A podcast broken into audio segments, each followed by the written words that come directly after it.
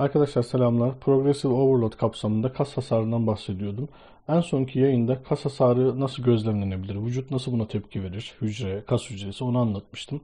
Kas hasarını bir doğru olarak düşünürsek bir ucunda yani kas hasarının düşük olduğu kısımda tanıdık hareketler, yeterli antrenman hacmi, uygun yoğunluk yer alırken diğer tarafında yani kas hasarının yüksek olduğu kısımda ise yeni hareketler yani vücudun tanıdık olmadığı, aşina olmadığı hareketler, aşırı antrenman hacmi ve çok yüksek yoğunluk yer alır.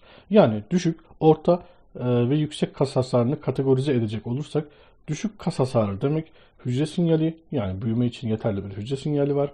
mTOR ve protein sentezinde artış, hipertrofi, doku yenilenmesi, düşük enflamasyon.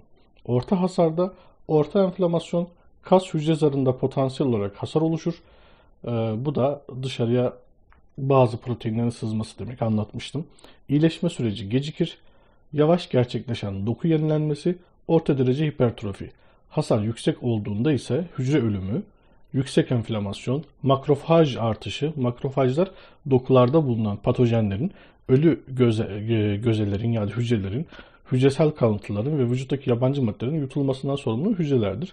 Tamamlanamayan bir iyileşme süreci, fibrotik skar yani yara dokusu oluşumu. Aslında tüm bunlardan çıkaracağımız sonuç şu, yüksek hasarın büyümek için ideal olmadığı.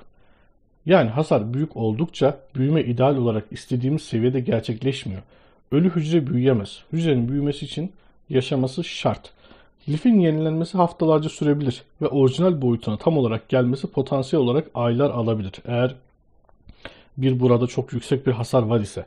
Amacımız açıkça dokuyu öldürmekten kaçınmaktır. Bu sebeple düşük ve orta derece hasara sebep olacak şekilde çalışmak, bir antrenman planı yapmak ideal olandır. Ve elimizdeki veriler de kas hasarı düşük olduğunda yani araştırmadan çıkan verileri söylüyorum. Kas büyümesinin daha ideal olduğunu söylüyor. Peki neden? İsterseniz kas hasarı düşük ve orta seviyede olduğunda büyüme süreci nasıl oluyor bir önce ona bakalım. Onu anlamaya çalışalım. Antrenman yapıyoruz. Sonrasında protein tüketiyoruz ve proteinler sindirim ile amino asitlere kadar parçalanıyor yapı taşına. Amino asitler dolaşımı alıyoruz. Vücut e, bu şekilde hani tüm vücudu dolaşabilsin diye. Bunlardan bazıları hasara uğramış hücrelere gider. Hasar önemli miktarda ise işte yüksek bir hasar varsa enkaza uğramış lifi onarmak için daha fazla amino asite ihtiyaç duyar o hasar. Hasar düşük oldukça tüketilen amino asitler büyümek için yeni kütle koymak için kullanılır. Yani hasarı onarmak için değil de yeni kütle koyalım, büyüyelim diye. Ama hasar büyük olduğu zaman ne olacak? Bu sefer onarım için daha fazla kullanılacağı e, üzere büyümek için yeni bir kütle koymak için daha azı kullanılmış olacak. Yani şunu biliyoruz. Kas hasarı ne kadar fazla olursa amino asitler büyümek, yeni doku oluşturmak yerine o hasarı onarmak için kullanılacak. Bunun dışında hangi faktörler kas hasarı daha fazla olduğu zaman onarım ve büyümeyi zora sokar ona bakalım. Yani tamam kas hasarı fazla olduğu zaman amino asit orada fazla kullanılıyor ve beni olumsuz etkiliyor büyüme noktasında. Peki başka neler beni olumsuz etkiliyor? Hasar çok fazla olduğunda hücreleri glikoz alımı düşer. Amino asitlerin birleşip protein sentezi oluşturması için enerjiye ihtiyaçları var. Yani büyümek bir enerji isteyen süreç. Glikoz da enerji. Glikoz olmadığında protein sentezi düşer. Yani protein sentezi bir şekilde başlasa bile istenen seviyede devam edebilmesi ancak enerjinin varlığıyla mümkün. Hasar çok fazla olduğunda glikoz alımı düşüyorsa hücrelere dolayısıyla protein sentezi de bundan negatif etkilenecek.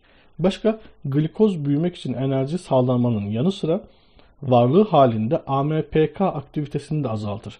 AMPK dediğimiz bir hücre sensörü gibi düşünün. Hücrede yeterli enerji olmadığı zaman bu sensör çalışıyor hemen. Diyor ki hücreye kardeşim sende yeterli enerji yok. Şu an durdurmayla uğraşa yani büyümeyle uğraşamayız. Büyümek benim için önemli bir şey değil zaten. Bu enerjiyi hücre için daha önemli şeyler işte solunum gibi ya da yaşamsal faaliyetlere kullanmam lazım. AMPK böyle çalışan bir sensör ve enerji olmadığında çalışır. E, glikoz büyümek için bir enerji sağlıyor ve AMPK aktivitesini de azaltıyor. Yani AMPK daha az çalışır hale geliyor. Glikoz olmadığında, kas hasarı fazla olduğunda bu sefer AMPK aktif hale gelecek. AMPK aktif hale gelince de protein sentezini baskılayacak, durduracak. Bir dur kardeşim şu an seninle büyüme gerçekleştiremeyiz diyecek. Bunlara ek olarak aşırı enflamasyonu kas hücresinin içindeki içeriğin dışarı sızmasına neden olan hücre zarı bütünlüğünün tehlikeye girmesini ve hücre dışı matriste potansiyel olarak oluşabilecek aşırı hasarı düşünelim. Yani aşırı hasar olduğu zaman e, ortaya çıkacak e, sıkıntılı durumlar. Proinflamatuar sitokinler yani enflamasyonun göstergeleri bunlar. Katabolizmayı yani iskelet kasının yıkıma devam etmesini uyarır. Yani anabolik sinyalleri baskılayarak katabolik sinyalleri aktifleştirir. Katabolik sinyallerin aktifleşmesi demek yıkım artar, parçalanma artar, yapım dediğimiz büyüme olayı düşer. Bir yere kadar enflasyon, enflamasyon kaçınılmaz. Ee, uygun onarım için de gerekli. Yani biz antrenman yaptığımız zaman illaki bir enflamasyon iltihaplanma süreci olacak. Burada antiparantez e, zaten size genelde şunu söylüyoruz. Antrenman sonrasında oluşan bu enflamasyon sürecine e, müdahale etmeyin.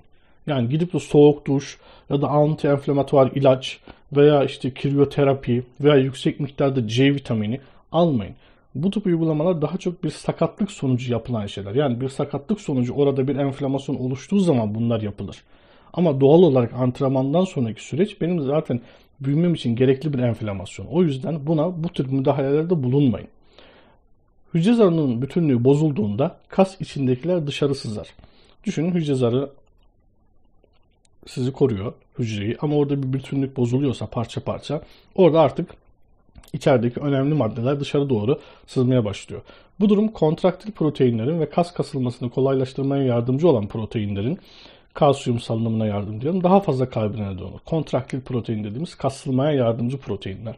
Bu arada kas kasılmasını başlatmak için kalsiyum gerekli bir mineral. Aslında antrenman sonrası kuvvet kaybı da bu durumla ilişkilidir. Hasar çok büyük olduğunda kuvvet kaybı da uzun süre fazla olur ve sizi olumsuz etkiler. İşte bu kayıplardan dolayı aslında. Hücre dışı matris kas hücresine destek sağlamaya ve kuvveti iletmeye yardımcı olur. Çok fazla hasar, çok fazla yorgunluğa sebep olur. Bu durumda sonraki seansta, sonraki antrenmanda yeterli verimi alamayacağınızı size söyler.